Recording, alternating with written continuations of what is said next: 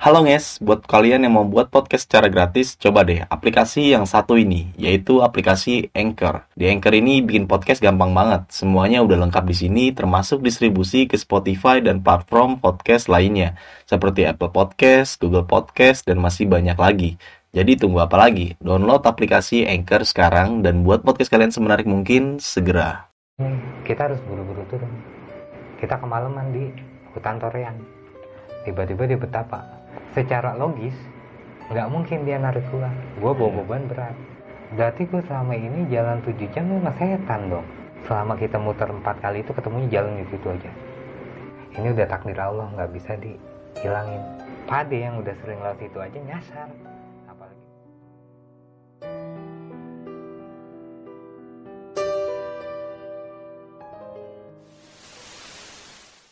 Warahmatullahi wabarakatuh. Balik lagi bersama gue Indra di Besok Pagi.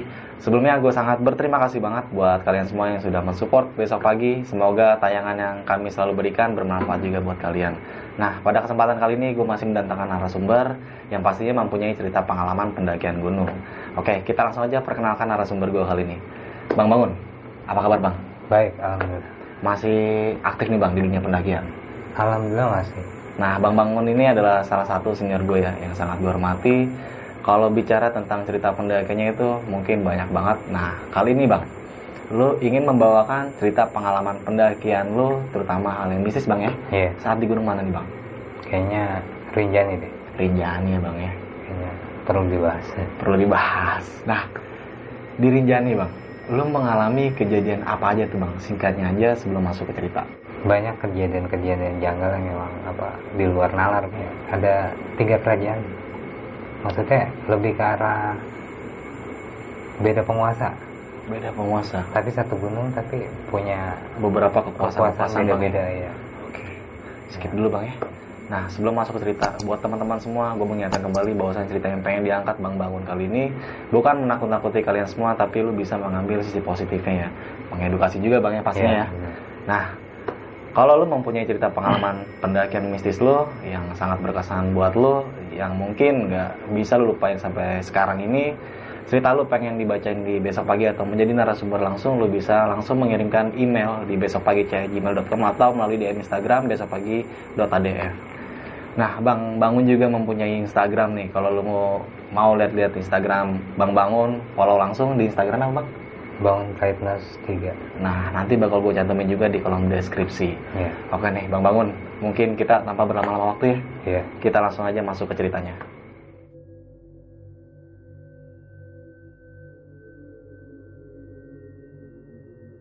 pada tahun 2016 atau 17 gitu ya kayaknya sekitar 2017 gue itu ngadain pendak pendakian nah kebetulan posisinya di Gunung Rinjani. Waktu itu gue dari Jakarta itu sama kebetulan cewek yang lagi deket sama gue nih. Nah karena berhubung apa namanya kita juga banyak kerabat di Lombok kan kita coba deh apa komunikasiin gue mau kelompok nih ya kan? Akhirnya eh, teman gue ini dengan sukarela pengen nemenin. Oke. walaupun sebenarnya dia sendiri juga lagi sibuk. Ada tamu yang perlu dibawa. Nah, nah dari situ kan eh, cewek gue udah mulai agak gelagatannya ya maksudnya. Udah kita berdua aja. Cuma gue mikir kan wah kalau kenapa-napa gue bingung nih Iya. ya kan? Nah. karena gue tahu dia agak sedikit sensitif gitu ya udah sampai akhirnya kita sampai di Lombok. Di Lombok itu kita nggak langsung ke Sembalun kita itu ke rumah eh, teman saya tuh namanya sebut aja sesepuh saya Pak D gitu. Nah, Nah di rumahnya itu kan Pak D itu punya saung. Nah saungnya itu tuh memang apa ya agak-agak ikonik Lombok banget lah pedesaan. Nah. Saung tuh sawah gitu ya. lokal banget lah bang ya. Iya. Nah kebetulan kita itu sampai itu sekitar jam 2an jam 2 malam. Pas nyampe itu si Nina udah nih sebut aja teman saya itu Nina ya. Nina itu mulai ada gelagatan nih. Kok beda di sini? Aku ngerasa berat gitu kan. Terus aku bilang udah itu perasaan lo aja udah. Relax gitu. Ya udah oke. Kita langsung cabut ke Sembalun tuh. Mm-mm. ya memang dari awal kita nggak nggak ada berpikir apa apa ya. Maksudnya mencoba buat positif walaupun sering kali ada terlintas gitu tapi emang kita fokus aja gitu kan sampai akhirnya kita itu bermalam itu di penginapan Sembalun. Ada tuh penginapan Sembalun tepatnya itu di Boknau pas banget depan gang Boknau kita itu nginep situ bermalam di situ kemudian kita lanjutin paginya buat ngetrek. Kita itu berangkat jam 10 jam 10 itu di pertengahan jalan hujan. Mm. tapi hujannya memang yang agak-agak gimana ya maksudnya eh, beda gitu loh. Tapi kita tetap positif deh. Hujan sama kabut tebel banget gitu kan. Karena berhubung waktu itu saya berpikir saya bawa orang yang memang nguasain Rinjani ya maksudnya dalam artian memang orang Lombok terus kedua juga dia paham lah titik-titiknya. Hmm. Saya nggak berpikir macam-macam tuh Mm. masalah itu nggak nggak was was lah oke tapi si Nina itu kayak ngerasa beda gitu maksudnya beda dalam artian pengennya tuh eh, jalan berdua terus nah cuma saya berpikir kan eh, karena saya ini berdekat oh mungkin dia pengen berdua biar nggak diganggu deh sama Hmm. yang lain gitu Hmm. atau nggak apa tapi saya mikir lagi malah kalau berdua bahaya nih. Makanya Ade itu nggak pernah lepas dari apa namanya perjalanan kita. Dia selalu di belakang nggak mau di belakang nggak mau di depan gitu. Sampai dari situ kita eh, apa ngerasa udah apa ya maksudnya nggak ada apa-apa lancar semua perjalanan juga. Menurut saya agak-agak sedikit aneh juga karena gini si Nina kan mungkin agak sedikit gendut ya maksudnya dalam Hmm. hal perjalanan mungkin agak lambat ya Mm. tapi saya ngerasa ini kok kayak orang kayak bisa nandingin saya gitu loh maksudnya dalam artian kayak cowok aja gitu loh dan estimasi waktunya juga menurut saya cepet untuk hitungan cewek yang, yang jarang naik gunung gitu loh sampai Pelawangan ya alhamdulillah ya. Maksudnya nggak ada kejadian yang aneh nggak ada yang ini. Masih berjalan lancar sampai puncak pun ya kita juga nggak ada yang ya hanya kabut aja gitu. Maksudnya ya memang posisinya kita nggak muncak karena memang nggak mau memaksain sesuatu ya. Sekitar jam 9 jam 10 kita turun tuh karena memang kita nggak dapet puncak. Badai parah hujan nggak kelar kelar karena saya berpikir positifnya oh ini bulan November musim penghujan Iya. jadi nggak pernah ada mikir yang aneh-aneh. Sampai akhirnya kita turun ke Segara Anak tuh jam 4 sore. Jam 4 sore saya turun itu bertiga Pak D sama Pak D Nina saya. Setelah turun itu kalau turun Segara Anak sampai dari Pelawangan ke Segara Anak itu kan memerlukan waktu kurang lebih tiga jam Mm. Nah, sekitar jam 6 tuh saya itu posisi pas banget turun habis tebingan udah ke arah danau ya. Tiba-tiba mulai deh agak-agak sedikit gelagat aneh ada di diri Nina gitu ya. Maksudnya Nina ketakutan gitu. Terus saya tanya kenapa? Aku takut kabut gitu kan. Kabut itu takut ya aku ingat diselamat gitu kan. Nah, cuman aku alihin. Terus aku juga berpikir positif aja karena ada Pak D. Lagi-lagi Pak D yang Hmm. memang bikin saya tenang gitu kan. Ah. Terus saya beberapa konsultasi sama Pak D. "Eh, gimana deh aman deh? Aman dah ya. kan. Ya udah tapi di sisi lain saya juga harus ngontrol emosinya si Nina Mm. yang memang agak sedikit ketakutan karena ya mungkin suasana maghrib terusnya kabut oke dari situ kita coba buat maksain jalan. Setelah maghrib kelar kita maksain jalan. Setelah setengah jam perjalanan itu kita mulai deh sampai eh, Segara Anak. Nah di Segara Anak itu tiba-tiba Nina stop. Langsung kayak seolah-olah kayak gesturnya tuh menolak apa nggak mau lihat. Kayak kayak gini aku nggak kuat gitu kan. Hmm. ya. Nah setelah itu aku tanya kamu kenapa? Gitu kan.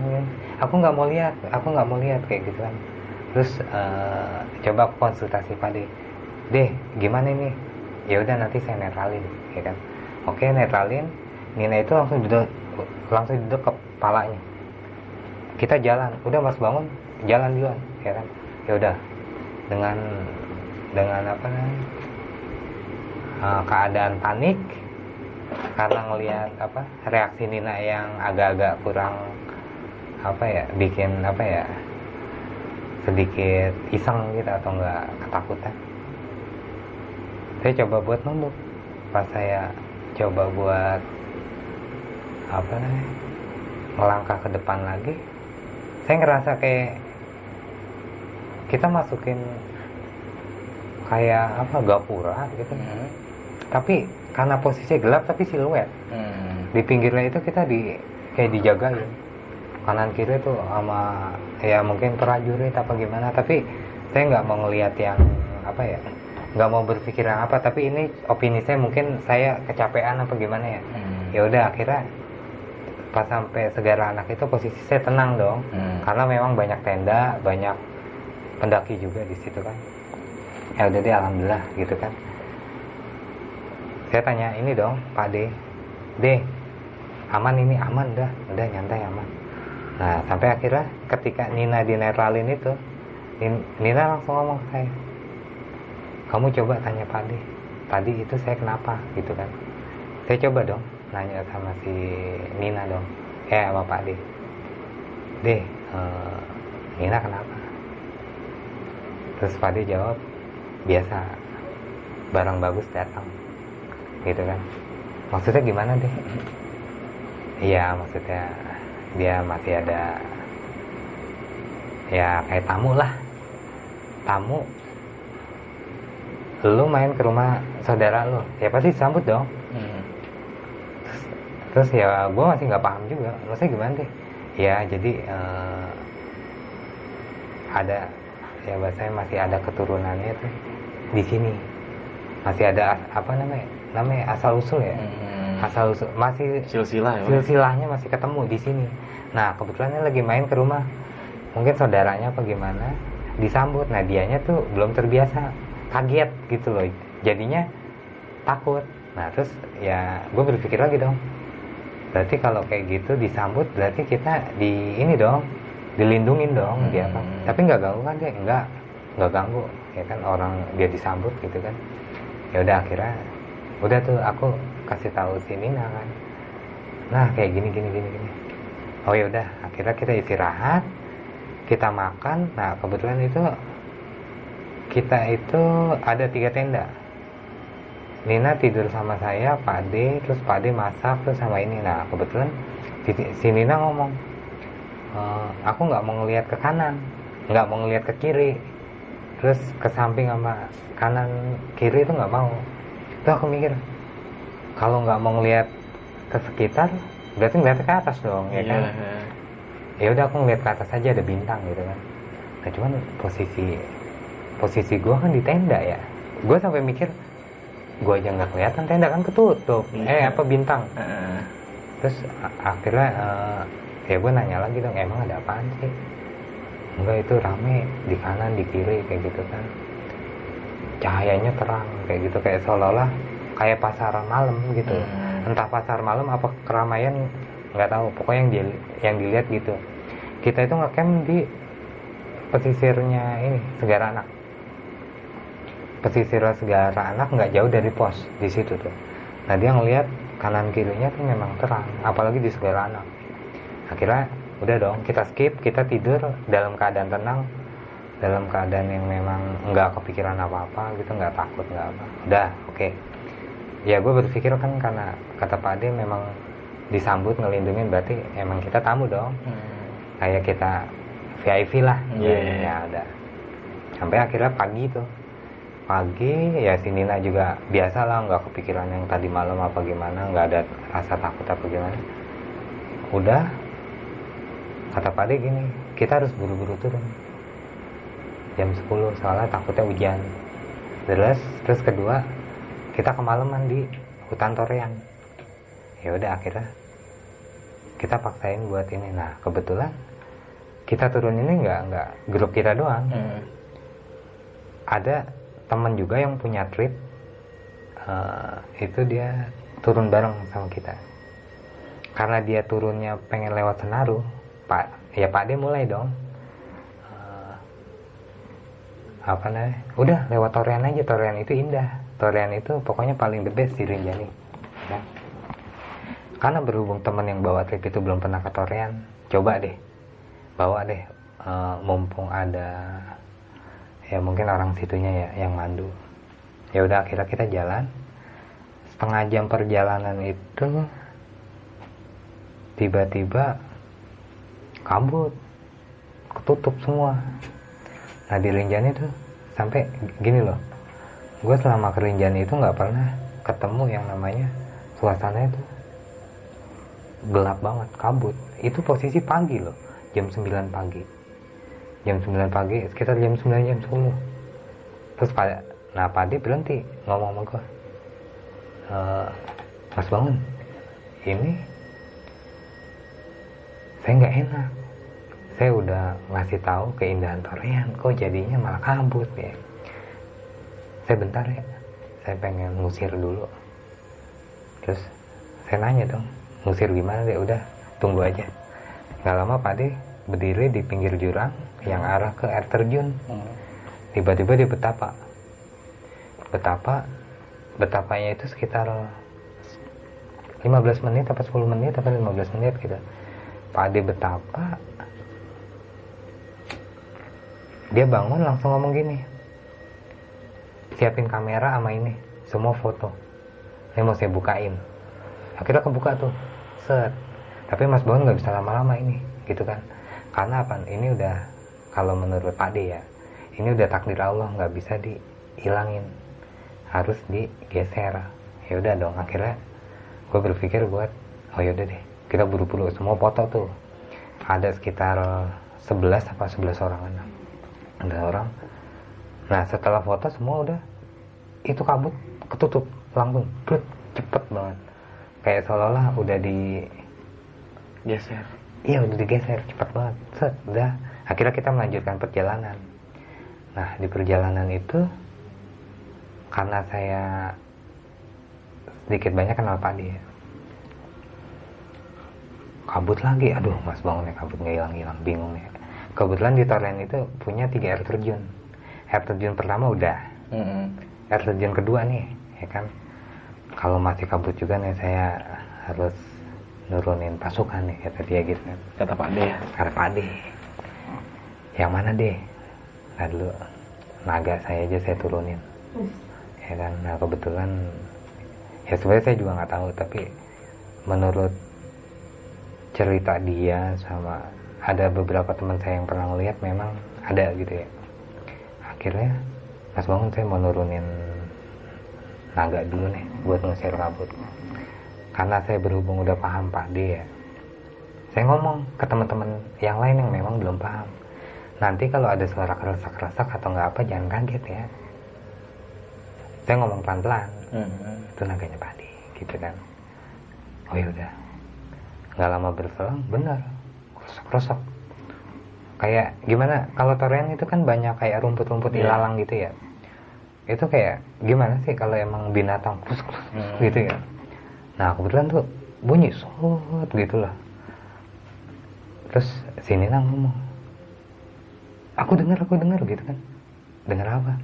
Itu yang kamu bilang tadi ya kan. Berarti ini dong apa ketemu dong ininya dong. Terus akhirnya kebuka tuh kabut tapi nggak kuat. Pade ngomong wah mas bangun nggak kena nih.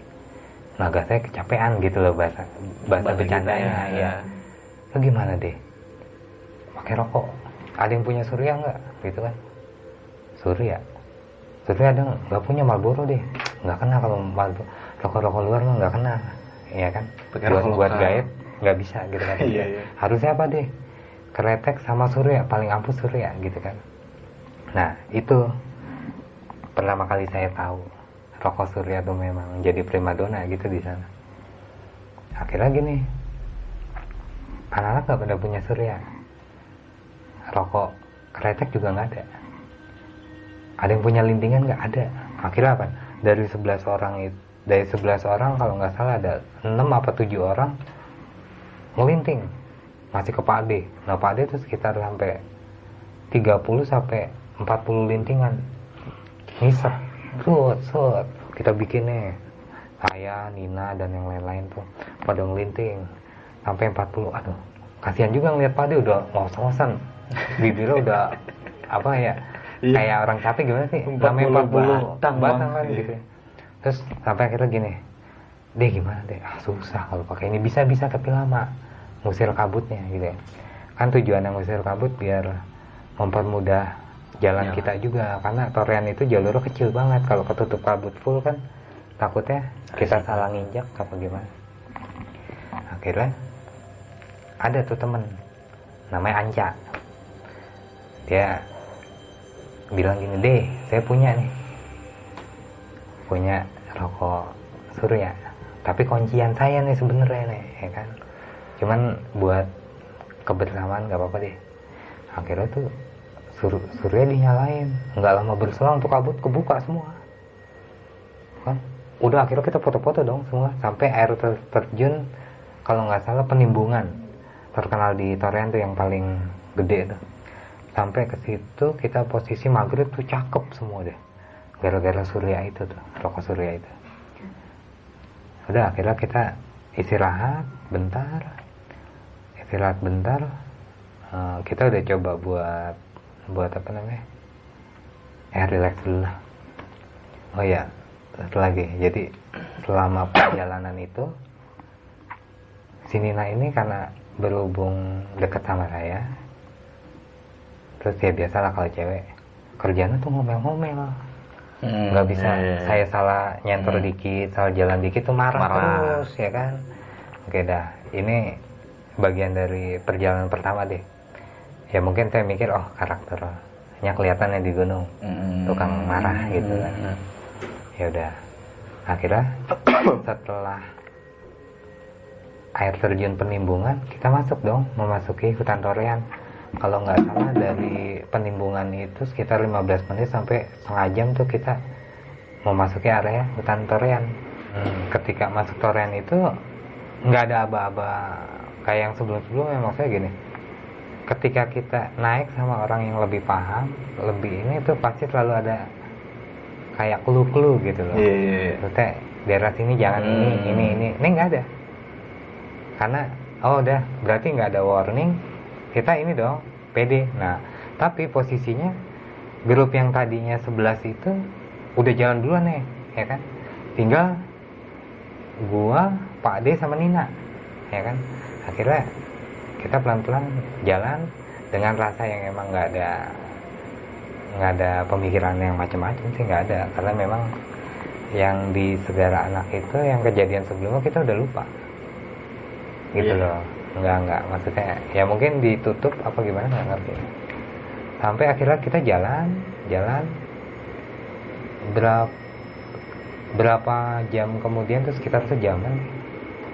Itu Nina masih ngomel kerjanya ngomel kamu nyenternya yang bener lah pak. Ya kan? Jalan yang bener lah pak. Aku kepleset nanti jatuh gimana gini. Pokoknya ngomong ngomong marah-marah terus. Kamu tuh eh, bisa nggak sih bawa aku yang apa nih mandu akunya yang bener kayak gini? Iya. ya pokoknya sepanjang perjalanan tuh isinya omelan terus lah. Udahlah pikir namanya cewek ya. Ya gua anggap Wajar ya, lah, normal lah gitu kan nah tiba-tiba berapa menit kemudian itu suara adem. Nina udah nggak pernah ngomel. Dari pertama pergi sampai terakhir di mau masuk toren itu mayoritas di perjalanan ngomel mulu kerjanya ya kan? Kok tiba-tiba adem? Seneng dong gue dong. Hmm. ah untung lah ya kan? Deh aman deh aman. Jalan ya kan? Ya udah adem terus tiba-tiba Nina gini Angon aku takut depan tuh gitu kan. Apaan? Itu itu ada orang gitu kan. Orang apaan sih? Itu itu ada orang apa takut gitu kan langsung gandeng gue kan. Ya udah nggak apa-apa namanya hutan gitu ya. Ada ada gitu wajar deh ya dalam hati gue gitu kan. Hmm. dia gimana dia aman? Udah aman dah ya kan. Nah kebetulan gue kan emang ya jatuhnya gini lah kayak gitu gituan emang nggak nggak terlalu gue masukin hati ya. Maksudnya gue alihin terus. Gue berusaha jalan tapi ya posisinya masih belum sadar gitu kan. Hmm. sampai akhirnya kok tiba-tiba si Nina ini diem lagi antang lagi nggak ada suara. Aman deh gue deh. Tapi gue jalan terus. Nggak berhenti berhenti ini. Gue capek dong. Nah aku bagi air gitu. Dia diem aja. Nggak mau nginin.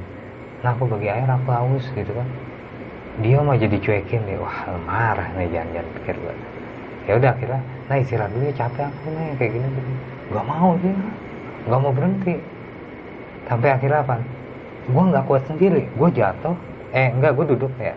Misal kayak gue gandengan sama dia Iya. ya. Ya cewek cowok lah naik gunung ya gandengan tiba-tiba gue berhenti. Berhenti itu pengen istirahat. Emang karena nggak dikasih istirahat. Gue berhenti dia nggak mau tetap jalan. Gue diseret-seret sama keril keril gue nah sedangkan secara logis nggak mungkin dia narik gue gue bawa Iya. beban berat. Terus sedangkan ya walaupun gue kurus tapi kayaknya nggak mungkin deh dia narik gue gitu. Terus akhirnya sama Pak Ade deh, udah stop gitu kan. Berhenti. Tapi kalau sama Pak Ade tuh mau. Mau apa? Mau Nurut. nurut, gitu ya. Tapi dari situ gue belum sadar juga dalam hati gue gini anjir nih gue dikerjain ini ya kan.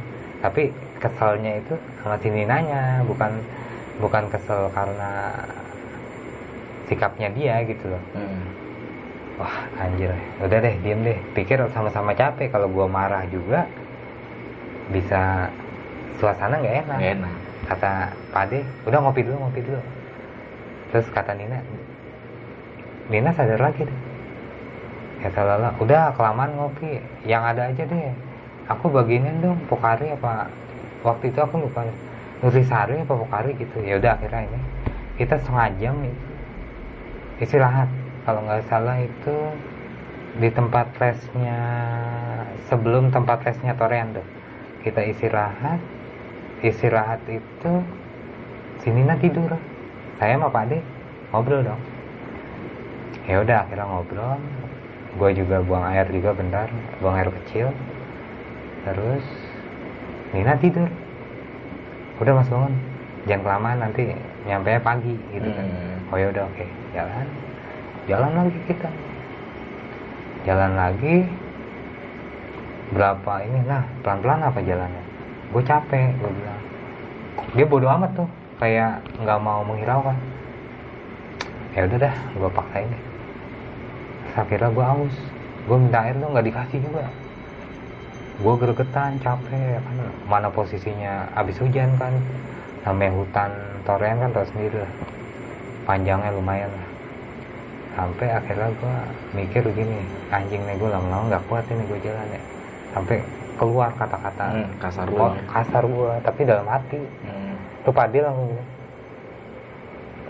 bagi minum dong gitu kan. Berhenti udah kebetulan Padil minta minum gue minta minum juga dong Hmm. dia bagi dia minum. Untung Padil ini tahu nih kayaknya lagi marah kayak mak. Gue mikir apa? Dia lagi ngambek kali sama gue gitu loh. Ah, Gua nggak tahu. ah. nah akhirnya Pade itu ngomong besok saya dapat rezeki nggak? Ada minta aja sama ibu. Tapi nadanya itu nada cewek. Hmm. ada di selatan nama ibu. Terus benda-benda saya yang di selatan gimana tuh gue langsung otak gue langsung mikir waduh langsung nengok gue ini ini apa deh terus Pade ketawa aja. Kayak seolah-olah kayak mau ngerjain gue gitu loh. Ah. ketawa aja terus ngomong gini "Eh, ini saya masukin. Kalau nggak masuk mah nggak nyampe nyampe kita ini gitu kan. Lah itu gimana deh ya nggak apa-apa. Tadi itu tuh jadi eh, perbatasan udah perbatasan ganti. Beda dimensi gitu iya gantinya lagi. Jadi bahasanya Hmm. yang masukinnya itu batasnya sampai A. Oke. Mau ke B itu harus keluar yang A. Ah. yang B masuk. Jadi berselingan nah gitu ya. jadi posisi Nina itu kosong. Hmm. jadi gampang masuk. Nah Hmm. Pak Ade sengaja masukin biar nambah nambah energinya si Nina. Jadi posisinya gue baru ini dong baru sadar berarti gue selama ini jalan 7 jam sama setan dong. Ya kan gue ngobrol sama setan dalam hati gue ya. Ade ketawa aja. Terus wah ya, bukan ngomong dia tadi enggak bisa kalau kasih tau Mas Bangun takut Mas Bangun takut gitu kan. Oh ya deh deh karena berhubung kita dikasih tahu kita paham dong ngertiin. Oh ya dah nggak lama terus gimana deh? Terserah Mas Bangun kalau mau terbang juga bisa ini Nina jangan deh ntar saya nyangkut gitu kan. Gue bercandain sengaja biar apa ya maksudnya gue nggak nggak terlalu inilah. Eh. karena berhubung di hutan itu kita cuma bertiga. Hmm. kantoran kan. Ya yang satu untungnya kan paham gitu gitu kan. Terus gua nanya deh kita masih lama masih jauh mas bang gitu kan. Apa mau terbang bercandain lagi tuh jangan deh jalannya pelan pelan udah akhirnya kita jalan tuh. Jalan di pertengahan torean itu ada camping set gitu. Ya ya jatuhnya kita ketemu pendaki lain. Terus dia ngecamp bermalam di situ dia ngomong temennya udah duluan. Hmm. ya pakai duluan lah. Pikir gua kan kalau kita rame-rame mungkin rasa ininya iseng. Ya pade sih berani gua kan iseng. Hmm. karena gua nenteng sama setan gitu Oh, kan iya. ya udah akhirnya tadinya kan gini kalau naik gunung itu cowok sama cewek cenderung apa? Gandengan tangan gini nih ya kan. Ya. ini gua tangan gini gua diremek diremek terus di eh, pokoknya digenggamnya remek kayak meremek apaan kayak kan sakit sakit tangan gua gitu kan. Sampai gua sampai ngerasa kayak gini ya lu jadi cewek kasar banget. Tapi gua belum sadar. Ah. ini apa dimasukin sesuatu. Langsung diremek tapi kalau dipegang ininya enggak tapi kalau pegangan tangan gini aja. Baru diremek. dirempok tangan gua. Sampai akhirnya gue mikir oh ya udah deh. Pegangnya sini aja udah aman. Gue gandeng setan gue ya udah deh. Pikir gue ada pade kan? Ah. udah aman. Nggak lama perjalanan abis lewat camping set itu tiba-tiba berhenti sini nak gali tanah. Pakai tangan. Ah.